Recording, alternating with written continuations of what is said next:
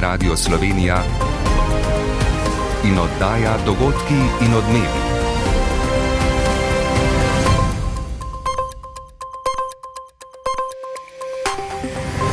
Ura je 15 in 30 minut. Dobar dan. Lepo pozdravljeni. Ob dodatnih težavah za podjetja kot sta Magna in Talum bi lahko energetska kriza in ohlajanje gospodarstva zamaknila zeleni prehod. Unija napoveduje nove spodbude, o teh se pogovarja tudi vlada, finančni minister Klemen Boštjančič. Imamo velike načrte, verjetno sodelovanje SID banke z Evropsko investicijsko banko. V zraku je napoved stavke šolnikov. Sindikat Svis jo bo izvedel 13. aprila, če do srede z vlado ne bo dosegel sporazuma o stavkovnih zahtevah. Porušeni domovi, minska polja, kopičenje žrtev. V Bahmutu so ukrajinske in ruske sile v pad položaju, tudi zaradi pomankanja streljiva. Если сейчас ЧВК «Вагнер» отступит... Vodja ruske najemniške vojske Wagner Evgenij Prigožin svari, da bi umik njegovih borcev iz Bahmuta vodil v poraz na celotni frontni črti. Mesec dni po rušilnih potresih je brez strehe nad glavo najmanj milijon sircev in Turkov. Razkritja o preusmerjanju denarja za protipotresno obnovo v nova stanovanja bi lahko zamajala stavček Erdoganu. Nad državo se širijo padavine, ki bodo ponehale jutri do povdne, popovdne se bo oblačnost trgala. Z vami sva Luka Bregar in Miranda Bratkič. Evropa se bo letos najverjetneje izognila recesiji, skrb vzbujajoče pa je, da se naložbe počasi ustavljajo. Evropska komisija jih želi spodbujati ne le prek sklada za okrevanje in odpornost, ampak tudi o pomoči posojil podjetjem v okviru programa Invest EU. V Ljubljani je potekala predstavitev omenjenega programa, ki je pomemben tudi za slovenska mala in srednje velika podjetja. V studiu pa se nam je pridružila Maja Derčar. Dobar dan. Dobar dan. Maja, gospodarska zbornica je pred nekaj urami objavila poziv vladi naj ne le velikim gospodarskim družbam, ampak tudi malim in srednje velikim podjetjem omogoči koriščenje subvencioniranja krajšega delovnega časa in čakanja na delo. Ja. Kaj pravzaprav to pomeni? Ja, vemo, ne, potem, ko se izhoč umika magnina proizvodnja, v Talumu pa bodo ugasnili elektrolizne peči, vse to kaže, da se svetovno popraševanje umirja. Evropska industrija ima težave s konkurenčnostjo zaradi visokih cen energentov, je tudi v energetskem prehodu. Poslovanje številnih malih in srednje velikih podjetij pa je pri nas vezano na velika predelovalna podjetja, zato ne čudi poziv GZS-ja naj vsem, ne le velikim, eh, začasno eh, vlada omogoči delno kritje čakanja na delo. Kaj pa slovenskim malim in srednje velikim podjetjem, torej hrbtenici našega gospodarstva, sporočajo pristojni, torej predstavniki Evropske komisije, Evropske investicijske banke, banke za obnovo in razvoj in skratka drugih finančnih ustanov, ki v okviru turneje po državah članicah zdaj v Ljubljani predstavljajo evropski program, kot smo že slišali, to je Invest EU. Invest EU je program, ki je podoben nekdanjemu Junkerjevemu skladu, ki pa je bil deležen precej kritik, ker je favoriziral velike države in v njih velike projekte. No, Invest EU je zdaj drugačen, pa zagotavlja Markus Schulte iz Evropske komisije. We Eh, Pravi, k sodelovanju vabimo čim širši nabor partnerjev po celotni uniji. Ta program je namenjen zlasti malim in srednje velikim podjetjem. Kombiniramo več finančnih instrumentov, postopki odobravanja kreditov pa so pohitreni. In kam naj se torej podjetja zdaj obrnejo? Ja, podjetja, ki bi investirala v to, kar Evropska unija podpira, se pravi zeleno, digitalno in socialno, bodo pri nas imela na voljo SID banko eh, primarno in pa nekaj komercialnih bank, eh, ki sodelujejo z Evropsko investicijsko banko. Eh, Slovenska vlada to močno podpira, zlasti zato, ker ima Evropska investicijska banka EIB tudi nadzor nad izvajanjem naložb, sicer pa se na SID banki z EIB in vlado pogovarjajo o skladu zagonskega kapitala, kar je potrdil finančni minister Klemen Boštjančič. Tako imenovan uh, venture capital za mala in srednja podjetja. Kot veste, so mala in srednja podjetja pravzaprav hrbtenica slovenskega gospodarstva. Tako da v tem kontekstu uh, imamo velike načrte uh, v, v nadaljem sodelovanju z Evropsko investicijsko banko, verjetno uh, sodelovanje SID banke z Evropsko investicijsko banko. Dodajmo še eno pomembno temo. Maja namestnico Evropske investicijske banke Liljano Pavlovo si vprašala, ali bo Evropska investicijska banka vendarle odobrila posojilo za financiranje drugega tira. Ja, EIB je leta 2019, kot vemo, pogojno prikimala projektu drugega železniškega tira med Divačo in Koprom. Pavlova je eh, danes dejala. Da so zadovoljni z izpolnitvijo mejnikov, sicer še pregledujejo vse dokumente, ampak zaenkrat ne vidijo težav, tako da bo drugi tir sredi leta najverjetneje prejel 250 milijonov EIB-jevega posojila. Z nami je bila Maja Derčer, hvala za ta pojasnila. Prosim. Slovenski državni holding, ki je holding slovenske elektrarne lani dokapitaliziral 492 milijoni evrov, je sprejel sklep, s katerim HSE zavezuje k vračilu prvega dela teh sredstev v višini 200 milijonov evrov. Kot so še sporočili iz holdinga slovenske elektrarne, bi sredstva lahko začeli vračati junija, dinamika vračil pa bo odvisna od realizacije načrtovane proizvodnje hidroelektrarn skupine HSE in termoelektrarne Šoštan, ter prihodnih gibanj cen električne energije. Vladna pogajalska skupina in sindikat vzgoje in izobraževanja tudi po današnjem sestanku še nista prišla do sklenitve stavkovnega sporazuma, kar je glavna zahteva Sviza, ki za 13. april napoveduje splošno stavko v vzgoji in izobraževanju. Pristojna ministrica Sanja Janovič Hovnik vsebine pogajanj ni želela komentirati, kot pravi, bodo skušali končne rešitve najti v sredo. Mi lovimo ta uh, datum, zdaj kako daleč bomo prišli, bomo videli. Nekaj točk imamo še odprtih, glede katerih uh, se še vedno pogajamo, ampak res ne bi prejudicirala, kaj pa kako. Tudi glavni tajnik Sviza Branimir Štrukelj ni želel razkriti, v katerih točkah se s pogajalsko skupino še razhajajo. Če sporazum v sredo ne bo sklenjen, sledi stavka, je jasen. Možnost, da se dogovorimo, je ta trenutek odprta je pa odprta tudi možnost, da se ne dogovorimo. Skratka, smo nekje na 50, 50 eh, nekje po sredini. Eh, to je tudi eden od razlogov, da eh, ne želimo z enostranskimi interpretacijami tega, kar se je danes zgodilo, ogroziti te možnosti, ki obstaja, da stokovni sporozum še zapremo. Je pa Štrukelj napovedal, da se bo v četrtek sešel stavkovni odbor Sviza in odločal o tem, ali bodo dali stavkovni sporazum, ne glede na njegovo vsebino, v presojo celotnemu članstvu. Ob valu podražitev in številnih drugih odprtih vprašanjih povezanih s predšolsko vzgojo je skupnost občin Slovenije na današnjo sejo predsedstva povabila predstavnike Ministrstva za javno upravo in za izobraževanje. Konkretnih dogovorov še ni. Občine namreč še vedno zbirajo zahtevane podatke, je pa država pripravljena na dialog. Zbrda pri Kranju, Romana Rjavec.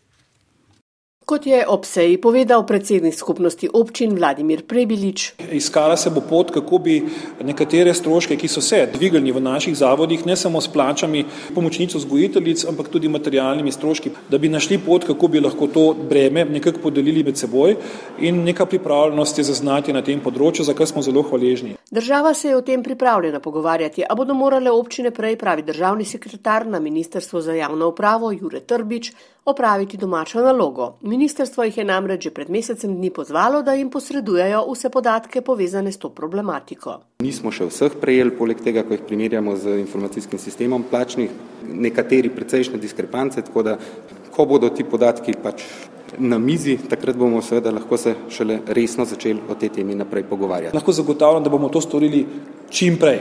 Na podlagi tega bo potem tudi lažje narediti nek razrez in seveda dejstvo je, da odprt bo potrebno vprašanje višina povprečnine. Še upozori Vladimir Prebilič, gre namreč za izjemno pomembno problematiko, ki po drugi strani najbolj bremeni prav občinske proračune. Župan občine Kran, Matjaš Rakovec. Konkretno v mestni občini Kran imamo za 56 milijonov eh, tekočih stroškov iz naslova povprečnine pa je teh prihodkov 35, te škare so skozi večje in seveda gre vse to na breme investicij. In če občinam država ne bo prisluhnila, so prepričani župani, ni daleč dan, ko ne bodo več sposobne sofinancirati investicij in bo ogrožena tudi poraba evropskih sredstev. V prihodnjih minutah o dogajanju na tujem preverili bomo, kaj se dogaja na območju obleganega Bahmuta na vzhodu Ukrajine, pa tudi, kaj bo z izvozom ukrajinskih žit v prihodnje. Mesec dni po smrtonosnem potresu v Turčiji in Siriji tam nadaljujejo odstranjevanje ruševin. Brodolom čovna z migranti ob kalabrijski obali pred dobrim tednom dni pa odpira vse več vprašanj o ravnanju italijanskih oblasti, ki so bile o prenatrpanem čovnu obveščene že vnaprej. Ob začetku tedna boja proti raku smo izvedeli, da bomo v Sloveniji kmalo začeli tudi presejalne programe za raka prostate, želodca in raka pljuč. V zvezi s tem Martina Brankar z Onkološkega inštituta opozarja. Da je odzivnost kadilcev manjša kot pa odzivnost v ostalih presejalnih programih. Več o tem v nadaljevanju te oddaje, ko boste slišali tudi, da je naša medijska hiša izdala novo zvočno knjigo. Gre za življenjsko avanturo igralca Evgena Carja, ki jo sam tudi interpretira. Na tuje. Ukrajinsko mesto Bahmut, ki ga ruske sile napadajo že sedem mesecev, tudi po minulem koncu tedna ostaja v ukrajinskih rokah. Primeš najemniške vojske Wagner se je še okrepil, njen vodja Evgenij Prigožin je v četrtek napovedal, da bo mesto padlo v največ dveh dneh, a očitno še ni. Več o razmerah v Ukrajini pa Matej Hrastar, pozdravljen. Lepo zdrav. Kaj se torej dogaja v okolici Bahmuta? Rusija mesta očitno še ni zauzela. Bahmut ali Artomovsk, kot ga imenujejo Rusijo, obkrožen s treh strani, prosta je le še pot proti zahodu. Ukrajinci se zavedajo, da mesto nima strateškega, pač pa zgolj simbolni pomen. Vseeno pa povdarjajo, da je njihov cilj prizadajati čim večje izgube ruski vojski in ji onemogočiti napredek druge. Если сейчас ЧВК «Вагнер» отступит от Бахмута... Vodja Wagnerja Evgenij Prigožin je sporočil, da bi umik njegove vojske iz Bahmuta pomenil razpad fronte. Mi smo cement, ki vse drži skupaj. Če se umaknemo, bomo v zgodovino zapisani kot ljudje, ki so naredili prvi korak k porazu v vojni. Tu smo tudi zato, da preprečimo napad Ukrajincev druge in da našemu zgledu sledi uradna ruska vojska, ki tako ohranja čast in ugled, je bil znova ostar. Prigožin se je ponovno pritožil nad pošiljkami streljiva, ki ga iz Moskve niso dobili toliko, kot je bilo dogovorjeno, Ukrajinkam pa je za 8. marec voščil s pošiljko bahmutskega šampanca. Ameriški obramni minister Lloyd Austin je med obiskom v Jordaniji komentiral, da tudi umik ukrajinske vojske in padec Bahmuta ne bi pomenila poraza in preobratov pri Rusiji, ki ima velike težave zaradi slabe opremljenosti in usposobljenosti. Ruski obramni minister Sergej Šojgu, ki je glavna tarča prigoženovih kritik, pa je obiskal Mariupol. Matej, ko ravno omenjaš Mariupol, eno najpomembnejših ukrajinskih pristanišč, v kratkem poteče dogovor o izvozu žit, ki so ga julija lani podpisali Ukrajina, Rusija ter Turčija in Združeni narodi. Se bo ta dogovor podaljšal ali tudi tu pričakujemo zaostrovanje? Eno od določil sporazuma predvideva avtomatično podaljšanje vsakih 120 dni pod pogojem, da nobena od strani nima zadržkov. Prvič so dogovor podaljšali novembra, čeprav je Rusija takrat za nekaj dni odstopila, zdaj pa pravega odgovora ne bomo vedeli do naslednjega petka. Rusija je večkrat zagrozila, da izgublja potrpljenje in da je to podaljšanje odvisno tudi od upoštevanja interesov njene kmetijske industrije. Sicer je izvoz žita iz Ukrajine v tej sezoni padel za več kot četrtino, s pomočjo sporazuma pa so vseeno iz pristanišč izvozili več kot 20 milijonov ton hranil. Spodbudne so tudi informacije o pridelku ozimne pšenice, ki je dovolj in je visoke kvalitete, vendar pa brez dogovora o plutju ladi grozi poslabšanje svetovne prehranske krize, se so poti po kopnem precej teže in zamudne. Pogovarjali smo se z Matejem Hrastarjem. V kraju Kutro, blizu Krotoneja, ob Jonski obali Južne Italije, pa se osem dni po brodolomu migrantske barke nadaljuje iskanje nejasnega števila pogrešanih. Število žrtev se je povečalo na 71. Tragični dogodek je sprožil odzive vladnih politikov, ki zanj krivijo tihotapce z migranti, s čimer se je včeraj strinjal tudi papež Frančišek. Pristojno tožilstvo medtem preiskuje, ali so oblasti sploh ravnale, kot bi morale, poroča naš dopisnik Janko Petrov. Moritz. Na plaži blizu Kutra se je včeraj zbralo okoli tisoč domačinov in priseljencev pod vodstvom lokalnega župnika in imama za križem zbitem iz ostankov razbite barke in ob ekumenski molitvi. Papež Frančišek je včeraj pozval k ustavitvi tihotapcev z ljudmi. Neobičajno hitro se je z njim strinjala premijajka Đorđa Meloni. Samo boj proti tihotapcem lahko ustavi umiranje v sredozemlju. Pod njih molka zdaj kaže, da je Meloni kritična do pristojnega notranjega ministra Pjantedo Teodozija in njegovi birokratske obravnave tragedije v Kalabriji.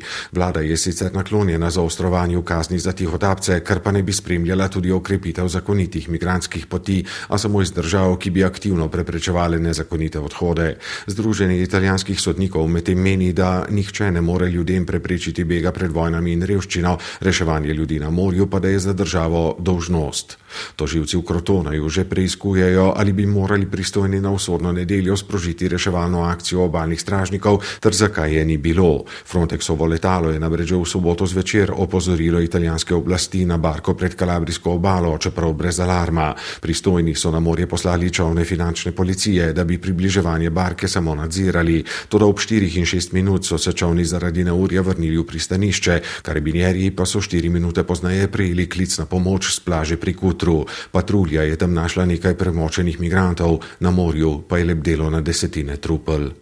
Danes mineva mesec dni od katastrofalnih potresov v Turčiji in Siriji, v katerih je umrlo skoraj 52 tisoč ljudi, od tega 45 tisoč v Turčiji in najmanj 6 tisoč v Siriji. Dva milijona ljudi je zapustilo območje potresa, vsaj milijon pa je zdaj brezdomcev in ni jasno, kdaj bodo dobili primirno streho nad glavo. Žal se je tudi ob tokratni katastrofi izkazalo, da na novo zgrajene stavbe ne zagotavljajo zaščite pred posledicami potresov. Podrobneje Marjan Vešligaj. Katastrofalna potresa z magnitudo 7,8 in 7,5 sta zemljo zravnala tisoče stanovanskih poslopi v enajstih večjih mestih turške Anatolije. Med njimi je mesto Malatija z dobrih 600 tisoč prebivalci, kjer razen spomenikov hititske kulture skoraj ni starih stavb. Kljub temu so se stanovanska naselja zgrajena v 90-ih letih in po letu 2000 porušila kot hiše iz kart. Med njimi je sedemnadstropna stavba s slikovitim imenom Trend Garden Residence, s telovadnico in kavarno na strehi pokopala pod seboj 29 oseb. Tisoče ljudi je že po prevzemu stanovanj opazilo, da so stene pretanke in da proti protipotresnih standardov tu niso upoštevali. To so dokazali tudi pred sodiščem, vendar je predsednik Erdogan leta 2018 arhitekte in izvajalce del pomilostil. Z amnestijo smo rešili probleme 88 tisoč prebivalcev Malatije, je sporočil v svoji predvoljivni kampanji. Vlada je namreč denar namenjen za protipotresno obnovo namenila za gradnjo novih stanovanj, ki po večini prav tako niso vzdržala potresa. Po ocenah Svetovne banke je bilo v potresih za več kot 32 milijard evrov škode, vsaj 27 milijard pa bodo potrebovali za gradnjo novih stanovanj. A vse to je še zelo daleč. Trenutno Verjetno tudi šotorov ni dovolj. Dodatno jezo pa je povzročila novica, da je turški rdeči polmesec del svojih zalog šotorov že pred potresom prodal. V Turčiji bodo letos predsedniške in parlamentarne volitve. Mediji, ki sicer niso zgled svobodnega novinarstva, jeze do predsednika ne morejo več prikrivati. Med njimi tudi ne navijačev Bešiktaša in Fenerbakčeja, ki Erdogano sporočajo: 20 let laži in goljufanja, čas je, da odstopiš dogodki in odmevi. V Zvezi slovenskih društev za boj proti raku napovedujejo nove presajalne programe.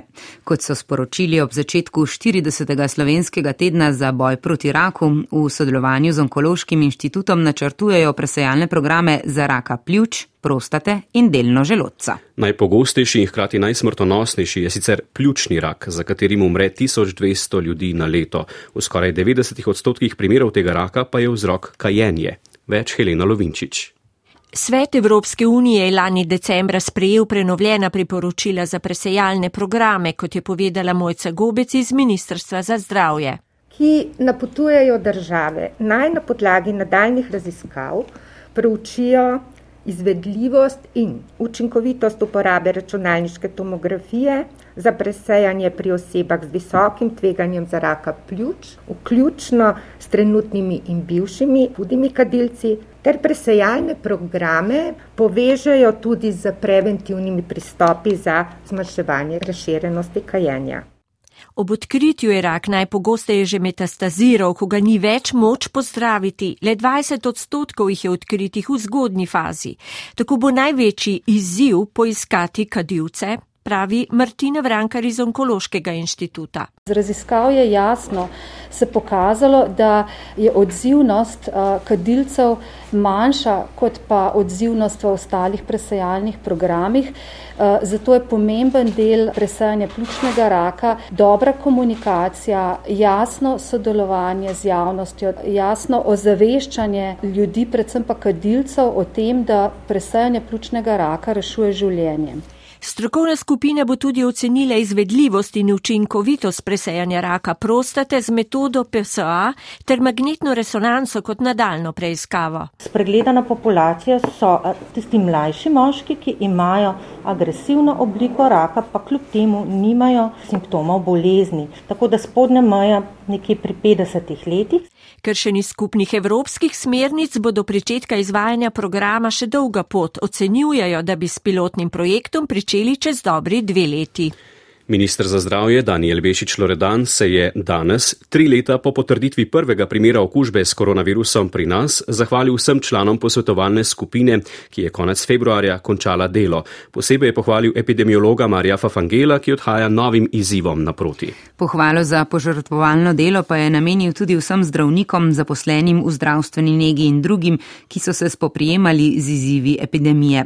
Danes je virus sicer obvladljiv, a še vedno ostaja z nami in iz vseh teh turbulentnih let se moramo nekaj naučiti, je danes povdaril minister.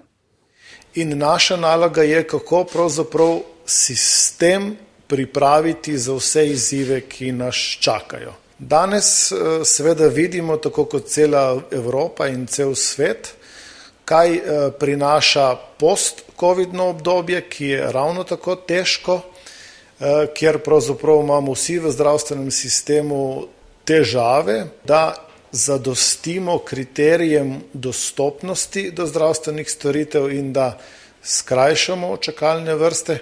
Najbolj se pa seveda soočamo s problematiko kadra v zdravstvu. S 1. aprilom na ministrstvu ukinjajo tudi posebne strokovne skupine zadolžene za bolnišnične zmogljivosti, domove za starejše in podobno. Komisija za preprečevanje korupcije pri obravnavi prijave zoper organizatorje referendumske kampanje, generalnega direktorja radiotelevizije Slovenija Andreja Graha Votmova, predsednika programskega sveta RTV Petra Gregorčiča, člana programskega sveta RTV Janeza Juhanta in člana nadzornega sveta Aleksandra Kotnika, ni potrdila dejanskega nasprotja interesov. Ugotovila pa je, da programski svet ob seznanitvi z okoliščinami nasprotja interesov navedenih posameznikov ni odločil, o neodločanju pa omenjeni tudi niso obvestili Komisije za preprečevanje korupcije. Zato bo v tem delu komisija preučila možnost uvedbe prekrškovnega postopka. Zaradi zaznanih korupcijskih tveganj je komisija RTV podala priporočila, da svoje zaposlene, vodstvene kadre ter vodstvene kolektivne organe obvesti o zakonskih dožnostih izogibanja nasprotju interesov. Od prekmurskih ravnic in vinogradov do gledaliških odrov in mestnega vrveža se razteza življenjska pripoved igravca, pesnika in pisa dramskih besedil Evgena Carja. Njegov autobiografski roman Moja zgodba s podnaslovom Samo norček misli, da ga morajo imeti vsi radi, je danes išel kot zvočna knjiga pri založbi kakovostnih programov RTV Slovenija v sodelovanju s programom Ars. Kot v prispevku pravi Žiga Bratoš, jo je interpretiral car sam. Svoj začetek poti jemljem kot veliko hrepenenje, osrednji del kot ponos in nostalgijo, sedanjo pot pa kot neko notranje zadovoljstvo in veliko praznino hkrati. Eugen Car, najprej član Mariborske drame in na to MGL do upokojitve, je gledališču vse čas usporejal kmečko življenje v prekmurju. Ni potrebno, da si vedno odličen in prvi, v svojem delu moraš uživati, pravi. Če imam kaj norčka v sebi, sem na to ponosen. Igralec to mora imeti in korajžo, tudi za pisanje o sebi. A pisati je drugače, kot to potem na glas brati.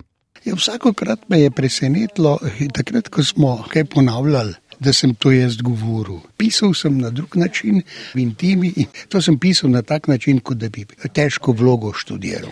Skozi zgodbe o svojih prednikih je veliko povedal o zgodovini prekmurja, zato je hvaležen dedoma. Oba sta razumela, da je o tem treba pripovedovati svojim unukom. Režiser Alan Jelen izpostavi priljubljenost autobiografij med zvočnicami, carjeva pa ima pronicljive misli skoraj na vsaki minuti in on je spoštljiv do ljudi, ampak velik umetnik na nek način so misli v knjigi, moja zgodba psihoterapevtske, še bolje biblioterapevtske. Božo je loke, po božo je vas. Takole pa je vlado Kreslin v studiu 1 Radia Slovenija pospremil predstavitev zvočnice Evgena Carja Moja zgodba. Od ponedeljka do petka ob 19. jo lahko poslušate v oddaji Odprta knjiga na programu Ars, ki tudi s tem obeležuje svojo 60-letnico. Na kratko ponovimo, po vpraševanju v svetovnem merilu se umirja, na to kažejo tudi odločitve o ugašanju proizvodnje v Magni in Talumu. Gospodarska zbornica vlado poziva naj subvencionira tudi krajši delovni čas in čakanje na delo v malih in srednje velikih podjetjih, Hkrati pa so tem podjetjem na voljo evropska sredstva iz sklada Invest EU, ki po zagotovilih iz Bruslja ne favorizira velikih držav kot prejšnji Junckerjev sklad. Sindikat Swiss ustraja pri stavki šolnikov sredi aprila. Rešitev bodo z vlado znova skušali najti v sredo. Od dogajanja na tujem pa je še vedno v spredju Ukrajina, zlasti mesto Bahmut, ki kljub srditemu obliganju ruske najemniške vojske ostaja v rokah Ukrajine. Dogodke in odmeve, ki jih najdete tudi v svojih aplikacijah za podkaste, nadaljujemo s športom. V ospredju bosta komentarja po svetovnem prvenstvu v Planici in za Slovenijo prav tako uspešnem Evropskem atletskem prvenstvu. Z vami bo Boštjan Janežič. Lepo nadaljevanje, ponedeljka vam želimo. Nasvidenje.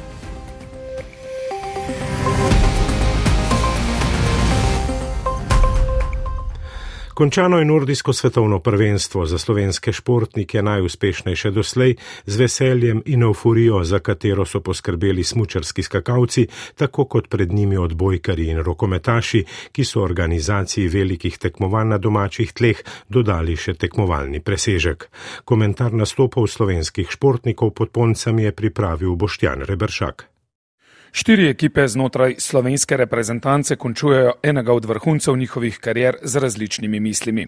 Smučarski tekači so nastopili v skladu z možnostmi in pričakovanji, nekajkrat presenetili, za oceno odlično, pa je manjkal kakšen dosegljiv individualni dosežek med deseterico. Nordijski kombinatorci so potrdili razkorak, ki jih loči od največjih reprezentanc, ta je večji iz sezone v sezono. Jezni ob nakopičenih težavah, v katere so se tik pred in med prvenstvom vključile še poškodbe in bolezen, prvenstvo zapuščajo ženski skakalni reprezentanci. Rezultati v planici so zrcalo sezone, v kateri je lanska zmagovalka pokala narodov pred zaključkom sezone na četrtem mestu. Navdušeni so tako le v moški skakalni reprezentanci, s kančkom sreče ali ne, so prvenstvo pričakali v najboljši formi letošnje sezone. Timi Zajc je s tremi kolajnami in dvema naslovoma eden najuspešnejših športnikov prvenstva, največjo težo pa ima moštveno zlato. Prvo za Slovenijo na največjih tekmovanjih, ki potrjuje širino, še posebej, če imamo v mislih, da bi lahko Slovenija osvojila naslov še z dvema preostalima članoma, ki sta bila del reprezentance. Po koncu prvenstva, ki ga je Slovenija končala kot četrta najuspešnejša reprezentanca, prvič z dvema naslovoma, lahko ugotovimo, da je bilo izjemno uspešno. Z izjemo moške skakalne reprezentance pa je od trenutka, ko smo izvedeli, da bomo gostili nordijski prestiž, ponujalo več, a so bili marsikateri načrti povezani z olimpijskim ciklom ta pa se je zaključil že lani. Pred uspehom slovenskih atletin v Turčiji, prej še kalpskemu smučanju, samo še dva konca tedna sta pred nami v svetovnem pokalu. Od včeraj je jasno, da bosta na finalu v Andori Slovenijo med moškimi zastopala dva, enako pa je pri ženskah. Dve predstavnici pa bi lahko po nekaj malih možnostih dobili še tretjo, nadaljuje Igor Tominec. Slovenska smukaška vrsta si na finalu med 25-terico najboljših ne v eni, ne v drugi disciplini ni zagotovila nobenega mesta. Edini, ki bo lahko nastopil na finalu, je mladinski svetovni prvak v Smuku, Rok Kažnoh, ki je svetla točka, na kateri se lahko gradi optimizem, medtem ko trenutna ekipa svetovnega pokala tega optimizma ne vliva. Naša hitra vrsta je nažalost v negativni spirali. Konec tedna bodo na potezi tehnični smučari na dveh veleslalomih za pokal Vitranc. Slovenija ima aduta v Žanu Krancu, ki bo na domačem terenu skušal ostati v boju za medaljo v tej disciplini. Razen njega pa prav dosti več mest v kvoti šestih tekmovalcev na domačem terenu slovensko smučanje ne bo moglo zapolniti. Smučarke bodo prav tako tekmovale v tehničnih disciplinah v Oreju, kjer bo Ana Bucik skušala nadaljevati stabilen niz rezultatov Neja Dvornik pa ima še nekaj malega možnosti, da si v slalomu zagotovi finale sezone, kamor najbolj zadovoljna sicer potuje Ilka Štuhec, ki si je v smuku predčasno priborila srebrno medaljo. V Carigradu se je včeraj končalo Evropsko dvoransko prvenstvo v atletiki, med dobitnicami odličij pa je po zaslugi srebrnih Tine Šute in Anite Horvat tudi Slovenija. Sicer pa je končna ocena slovenskih nastopov lahko povsem pozitivna. Komentar Tomaža Langerholca. Ob dejstvu, v kakšnih razmerah v zimskem času delujejo slovenske atletinje in atleti, smo lahko že številom udeležencev v Carigradu več kot zadovoljni. Med 12-terico nastopajočih se je ena tretjina njih uvrstila v finale. V prvem planu je bila Tina Šutej, ki je po Torunu pred dvema letoma znova druga v Evropi. Preskočenih 475 cm je nadaljevanje konstantnosti v zadnjem času, a vseeno je bila na koncu z drugim mestom razočarana. Anita Horvat je še enkrat več pokazala, da je bila odločitev prehoda iz 400 metrov na še enkrat daljšo razdaljo pravilna. Včeraj je z drugim mestom prišla do svojega največjega uspeha. Neja Filipič s petim mestom v Troskoku si je prav tako naredila dobro popotnico za sezono na prostem, kjer bo velika pričakovanja v teku na 3000 metrov za prekami imela tudi v Carigradu osma Maruša Mišmaš Zrimšek. Z borbenostjo na stezi je navdušila Veronika Sadek, ki kaže velik napredek v teku na 800 metrov. Za tretjino naših udeležencev pa lahko rečemo, da so nastopili nekoliko pod pričakovanji, a je bilo dobro že to, da so sploh bili del evropske elite. Zdaj se sezona seli na prosto, kjer bo avgusta v Budimpešti člansko svetovno prvenstvo. Nogometna zveza Slovenije je trenerja Olimpije Alberta Riero zaradi nešportnega in prostaškega vedenja prejšnjo soboto po tekmi v Kopru kaznovala s tremi tekmami prepovedi vodenja moštva. Počival je že proti Radomljam, drugič bo v sredo na pokalni tekmi v Lendavi, tretjič pa v nedeljo proti Domžalam. Na kolesarski dirki pa resnica je druga etapa, po prvi je tadej Pogačar tretji, tekmujeta tudi Jan Tratnik in Doman Novak. Danes pa se je s kronometrom začela dirka od Tirenskega do Jadranskega morja, Primoš Roglič je ob robu prve deseterice. Poslušali ste oddajo Dogodki in odmevi urednik Niko Robaus, voditelja Miranda Bratkič in Luka Bregar, tonski mojster Boštjan Repanšek.